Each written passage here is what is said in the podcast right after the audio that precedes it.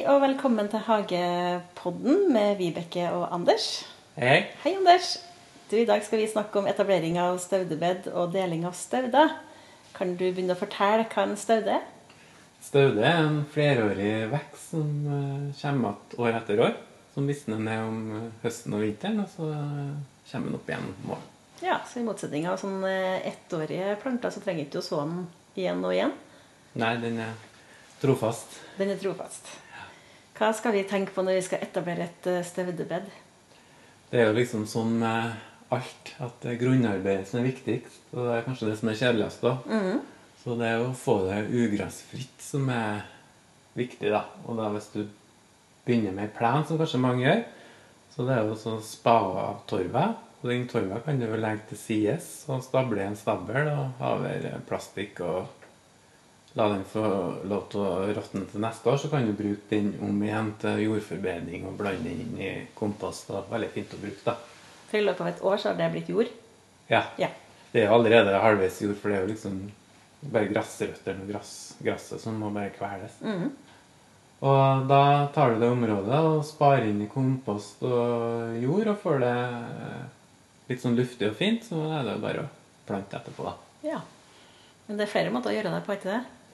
Ja, det er jo litt, eh, litt hvordan du har det og sånn. da. Man eh, syns det er litt tungt å begynne å spa av torva. Det er veldig tungt, da. Og hvis du har et område som er litt sånn villnis med skvallerkål og sånn, så har du ekstra utfordringer. Hvordan skal du få gjort, gjøre noe med det? For eh, sånne flerårige ugress som skvallerkål har jo sånn Røttene er jo sånn spagetti. Når du begynner å spa i dem, da, så brytes de opp i sånne småbiter. og Nok med en liten bit på to millimeter, så blir det en ny plante. Og de eh, skvallerkålen den vokser seg inn i røttene til staudene, og det blir jo et, eh, ja, et helvete, skal du si. å bli kvitt det. Og det er veldig mye av det i Trondheim og i fleste sånne småbyer og plasser så er mye skvallerkål. da, For det er jo fort gjort at når du får en staude fra noen, eller noen, så er det med en liten bit skvallerkål fra en annen. Så hvis du får en avlegger av meg, da kan du fort få skvallerkål med Ja. Da setter jeg den i et venteben og ser om det kommer opp skvallerkål først. Men eh, du kan altså dekke det området hvis du har et område med sånn skvallerkål, og så har vi en pressetning og la det dekke over i ett til to år, og du ser at det er blitt helt kvert. Eller du kan klippe det som en gressplen, og for midt i en gressplen så blir jo ikke eh, skvallerkål, for den tåler ikke å bli klippa hvis den klippes eh, hver eh, uke hver 14. dag. så blir den utpina etter hvert. Så hvis du har i et bed, du så plukker skvallerkålen like ofte som du klipper plenen, så vil den etter hvert bli bli utarma, denne. da. Men Det tar litt tid, da, så du må være litt iherdig. Så hvis du er like utålmodig som meg og ikke kan vente på å ha noe liggende brakk i flere år, så må du luke. Ja. Eller så kan du også legge, hvis du legger et lag med papp på området der det er masse skvallerkål Helst to lag, da, for den vokser seg fort igjennom pappen. Da. Og så legger du masse hageavfall oppå der igjen. Og så jord og kompost. Og så kan du så sette potet, kan du eller lage et grønnsaksland. Eller du kan så ettårige sommerblomster som ringblomster og kornblomster og pyntekorg og sånne ting. Og så ser du etter et år om, om det kommer et skvallerkål der. Og hvis den har blitt kvalt, så kan du plante steder til neste år. Men hvis du ser at det begynner å komme opp skvallerkål i det området der, så må du fortsette å spa opp og prøve å bli kvitt den. Og så kan du så ett år igjen neste år igjen, da. Men da har du i hvert fall kontroll på det, for du har ikke planta noen stauder som skvallerkålen kan vokse seg i. Nei. Men jeg eksempel, som ikke har tålmodighet til å vente den denne ene, og andre har eh, lyst til å ha staudebedet ferdig eh, Jeg må jo nummer én luke, da, men jeg tenker jo i tillegg at vi kanskje skal ha litt sånn lave skuldre på å ha noe ugresk og fint. Ja da, det er jo litt hva man Hva hvilken standard man vil ha. Da. Det trenger ikke være helt sånn sterilt, så det er fint med noe. Og så kan det jo velge litt sauer som er sånn ganske livskraftige og store blader, og sånn som hostler og litt sånn store sauer. De dekker jo litt over eh, skvallerkålen òg, da. Men jeg vil helst ha det helt fritt for Du vil helst ha den uten. Mens jeg tenker det går fint. Men eh, når du skal anlegge et staudebed, da tenker du at det skal altså, For jeg tenker i hvert fall at man må ta og ordne litt større enn man tror. Men det trenger ikke være lite, lita stripe med husveggen. Det kan på en måte være noe som er litt større enn det. Det fineste er jo at det er litt uh, tjukkest på det, og at det er litt stort. Og du får litt sånn wow-effekt. Ja, det. Mm. Du har muligheten til å bugne litt. ja. Og så er det at man kanskje ikke tenker å ha så mange forskjellige sorter, for å få heller et mer roligere inntrykk hvis du velger at det holder med kanskje tre til fem forskjellige typer stauder, Mm. og at du planter kanskje sju av hver sort. Så du har et område på sju ganger tre meter, da. Så du kjøper kanskje inn en sånn eh, 40 30-40 stauder, og så planter du sju av én type, og så kan du plante den litt sånn i bølger som går litt innover i bedet og fram igjen. Da får du en sånn veldig mer eh, moderne og rolige uttrykk da, enn at du planter én av hver og, og fort kan bli litt sånn urolig.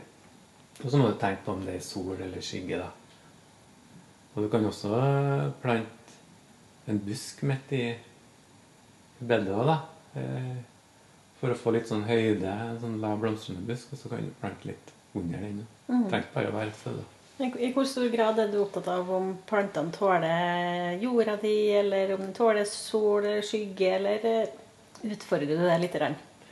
Jeg eh, tenker jo litt sånn hvordan plantene lever i vill natur. Den slektningen for hageplantene den har jo som regel en slektning fra vill natur, og den har jo Er det en skogplante, så liker den jo i skygge, ikke sant? Mm. Og så er det en sånn eng, så vil den ha mer åpent. Men det betyr ikke at du trenger å følge det helt slavisk, for mange planter de stauder er jo veldig villige og trives godt i alle slags forhold. Jeg snakka jo om hosta tidligere her, og det er jo en sånn staude som trives best i skygge og ganske fuktig miljø. Men eh, den klarer jo seg også i sol og ganske tørt, også, så det betyr at mange stauder er ganske tilpasningsdyktige, så du trenger ikke å følge slavisk at det skal være i sånn type jord og sånn solforhold og sånne ting. Det går an å prøve dem i litt sånn andre forhold, og da går det ganske bra, som regel. Ja, det har jeg jo god erfaring med at det stort sett går bra. Men har du noen sånne tanker om at du skal plante de laveste plantene forrest og de høyeste bak? Eh, ja, det er jo litt hvordan planter det er, da. Og det er jo en fordel å ta de største, som er ganske sånn massive og store, at de er, er bakerst, og så tar du litt lave framom. Men hvis du har noen stauder som er ganske høye, men som er, har en evne at du kan se litt igjennom dem, så kan du plassere dem litt i forkant òg, for da slipper du at det blir sånn en oppstilling av høye helt bakerst og mellom og nedover. da. Det blir litt mer naturlig hvis du har f.eks. et fransk kongslys, eller noe, en revebjelle eller noe sånt som har bare ett spir, sånn, og det ser du jo igjennom. Det tar ikke en sånn kjempemasse øyesyn fra deg, og det kan jo også plassere ganske langt fram i bedet. da. Ja. Det å på en måte ordne et bed som er litt sånn levende, da, det er fint. Ja. Mm. Ha litt, litt på det litt forskjellige stauder. Men har du, er du opptatt av hva slags farger det er i et bed, da? Altså, Ja, jeg eh, er glad i litt farger, så jeg syns det er litt artig å blande farger, da. Men det er jo litt hva du syns sjøl, da. Men jeg er ikke noe sånn glad i sånn hele hvite bed og sånn som mange syns det. Nei, Fint med bare det er det heller. Jeg er glad i at bedet har farger. Men er du sånn opptatt av at det skal være en farge, nyanse eller tone, eller eh, har du alle slags farger i bedet? Eh, jeg liker litt kontrastfarger. Mhm. Så, men jeg syns også det er fint når det går litt sånn i ton i ton, da. Men så er det jo at et bed forandrer jo veldig karakter. For det har jo om våren kanskje har du løkblomster. For staudene blomstrer til forskjellig tid. Så det er når du planlegger et staudebed, så må du tenke at hva blomstrer da, og hva som blomstrer om høsten, og hva som blomstrer om våren og midt på sommeren. Så det liksom har litt blomstring jevnt over. Så du kan ha noen som blomstrer tidlig på sommeren, litt andre farger igjen enn på høsten igjen. For når, når den ene er ferdigblomstra, så begynner du på en måte på nytt palett på en måte i fargesammensetningen. da. For Det syns jeg er et veldig bra tips, da, for det tenkte ikke jeg på når jeg laga de første bedene. i hvert fall, At det skulle blomstre noe hele tida. Sånn at uh, i noen bed så var det noen ting som bare blomstra tidlig, og noen var noe som bare blomstra seint. Så det er jo et veldig sånn fint tips å ha med seg. Og det er jo litt sånn når du anlegger et staudebed, som jeg sa, at du kan kjøpe 40-50 stauder. Og det blir jo fort ganske dyrt. Mm. Og da kan du jo, istedenfor at du kjøper sju av én sort, så kan du kjøpe tre av dem og så tenke at jeg skal dele dem opp til neste år, så får du sju planter. For de vokser seg ganske fort i løpet av en sesong når de i, kommer inn i god hagejord. Når de står i sånne små firkantpotter, så er de ganske små og stuslete. Men en gang de får en vekstsesong på seg, så vokser de seg ganske fort. Og da kan du la et område i stødebedet der du sår f.eks. ringblomster, eller noen ettåringer og sånn, da, så, som du har plass til neste år når du skal begynne å dele dem opp til våren, og så planter du dem ut igjen. For jeg gjør det nesten alltid motsatt. Jeg planter jo alltid for tett. Sånn at når det har gått et år eller to, så er jo ting nødt til å begynne å flytte eller deles, eller eh, det begynner å bli litt trangt i bedet. Ja, jeg planter tett i bedene, jeg òg, men jeg syns det er veldig greit òg. For da blir det mindre å luke òg, da. Og så Iallfall hvis du velger litt sånn lave, bunndekkende stauder som vokser inni hverandre, og sånn, ikke sant, som eh, hasselurt og og også skyggesildre og sånn. Jeg er veldig glad i ja. Det er sånne fine støder som du kan ha mellom litt større stauder. Som er sånt. Så slipper du å ha åpen jord. For mindre åpen jord du har, på mindre ugress blir det jo. Ja, det blir mindre skvallerkål faktisk også av det. Men jeg lurer på, har du noen favorittstauder? Ja, nå sa jeg skyggesildre, og det er en sånn god gammeldags staude som er sånn delvis vintergrønn, og så får sånn rosa blomster på forsommeren. Og det er en av mine favoritter. Henny, da? Hva har du som favoritt? Oi, jeg syns det er litt vanskelig å svare på, nesten. For jeg syns det er en favoritt eh, hele tida. Men jeg tror kanskje en av de absolutte favorittene det er stjerneskjerm.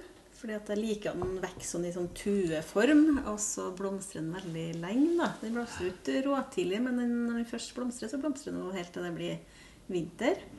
Synes jeg I tillegg var de er fin blomster når de har tørska, at de på en måte har litt ja, Så fin å ha i buketter. Veldig fin å ha i bukett. Og så tror jeg kanskje kuletistelen er jo en av de fineste. Mest fordi at de er humlevennlige. Det er noen som syns at den ser litt sånn ugressaktig ut, men det syns jeg er en veldig sånn fin blomst. da. Den blomstrer også veldig seint. Jeg har jo en sånn Angelica gigas, en sånn rød kvann, og det er også en sånn fantastisk humlevekst som humlene blir suser skikkelig på, og som er sånn stor knallilla blomst, sånn, som en eh, kvann. da.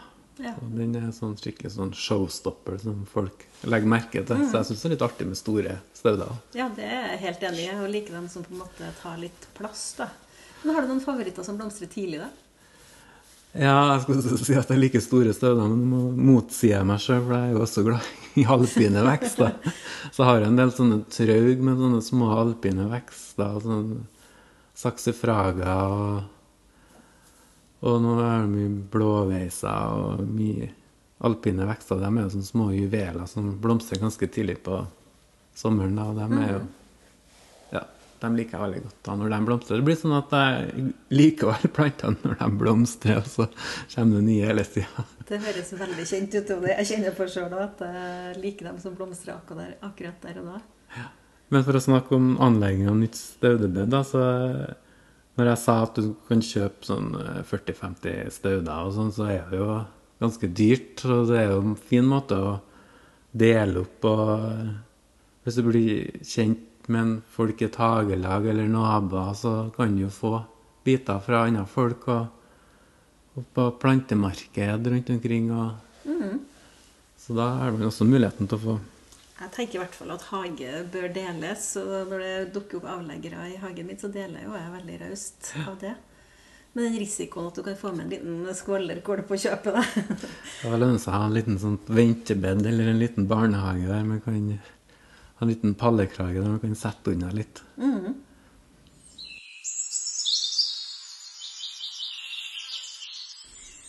Jeg er jo litt misunnelig på dem som har plass til å grave ut et nytt eh, bed i hagen sin. Men Anders, kan ikke du gi noen tips da, til noen planter du kunne tenkt deg hatt i et bed? Eh, Det er litt hvilken stil du liker, og hva hvilket hus du har òg, tenker jeg. Og, så må du tenke på om er det et solrikt bed eller er et skyggefullt bed, da. Hvis du har et solrikt bed, da, så har jeg kanskje planta litt eh, steppesalvie, som blomstrer fint om sommeren. Og en sedium for litt mer på høsten, kanskje oktoberbergknapp. Det finnes også sediumer med mørke blad. Og så kanskje en ryllik. En gulblomstrende ryllik for litt sånn kontrast.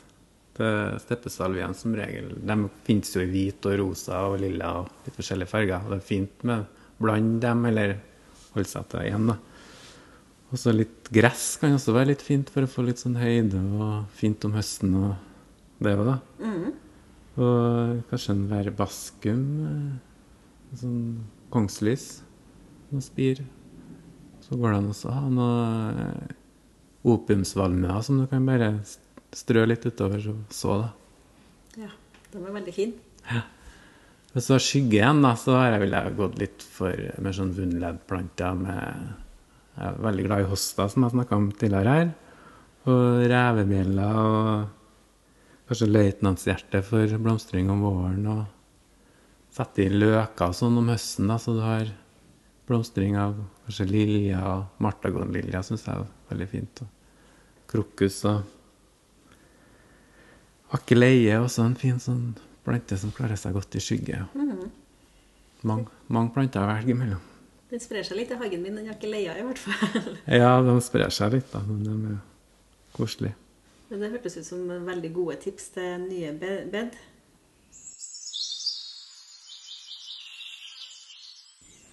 Vi skal jo snakke om eh, deling av stauder også i dag.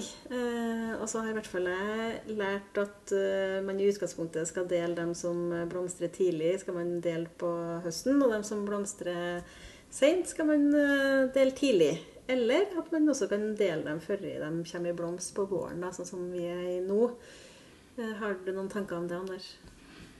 Ja, det er litt for å unngå å forstyrre dem mest mulig, da, for at du kan ikke dele planter når de står i blomst, eller Så det er en god regel å gjøre det når de er mest lengst mulig fra sin blomstringsperiode, da. Men samtidig så er det jo at noen ganger så bryter jeg den regelen, da, for at når du har fri og mulighet, så må du jo bare ta, ta og dele den. Og mange stauder har jo veldig godt av å deles og bli bedre av å dele. For noen stauder dem, det ser det veldig tid, godt om våren når du klipper dem ned, så kan du se at de kan få en sånn at de har dødd liksom litt i midten. At du får en litt sånn smultringform. Og da er det på tide at de eh, skulle ha vært delt, for de vokser liksom best på ytterkant, og så dør de i midten, da. Ja. Men er det noen steder som ikke kan deles? Eh, Det er noen som er vanskelig å dele. Det er en del som har, spesielt de som har sånn perlerot, som eh, ikke lar seg dele like godt, da. Mhm. Er det noen eksempler på det? Ja, det kan jo være Hvis du har eh, Ja um, Stokkroser og sånn har jo, kan jo være litt vanskelig å dele. da. Det er kanskje litt enklere å så dem. Og, og så du har jo kuletisten din, eh, kan også være litt ekkel å dele, kanskje.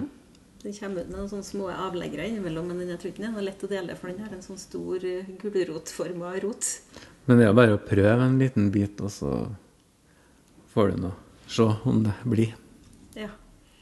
Men eh, når du deler en staude, graver du opp hele stauden og deler den i flere, eller deler du den i to, eller hvordan gjør du det?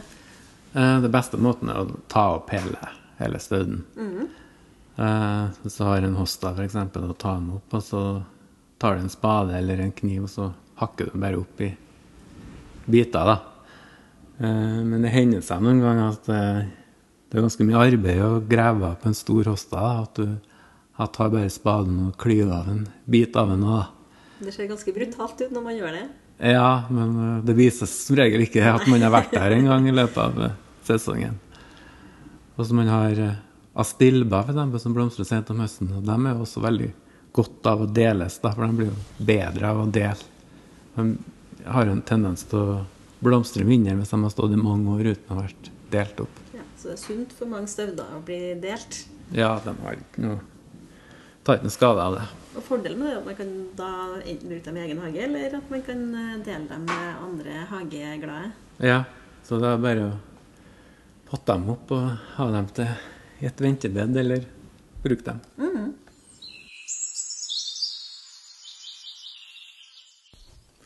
Vi har jo spalten vår 'Hva som skjer i hagen' nå. Hva som skjer i hagen din, Vibeke? Nei, nå eh, begynner jo eh, alle staudene egentlig å skyte litt fart, sånn at de på en måte har blitt grønne og fine, og du ser at de lever.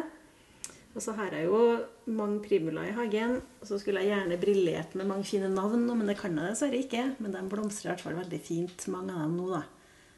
Og det er jo i tillegg, vi har jo snakka om deling i dag, det er en staude som er lett å dele. Så når den er ferdigblomstra, så kan jo den deles til flere. Ja. Skjer det noe i hagen din? Ja da, det har jo vokst ganske bra nå. Jeg har en del sånne hvitveiser som blomstrer. Forskjellige typer. Noen som er fylte, og noen som er litt grønn i midten. Og gulveis og blanding mellom hvitveis og gulveis. Og litt forskjellige artige veiser. Vi kan jo ta imot eh, spørsmål hvis noen har det, og de kan stilles på Instagram-kontoene våre Anders Ebbesen eller Fire i Kiellands gate.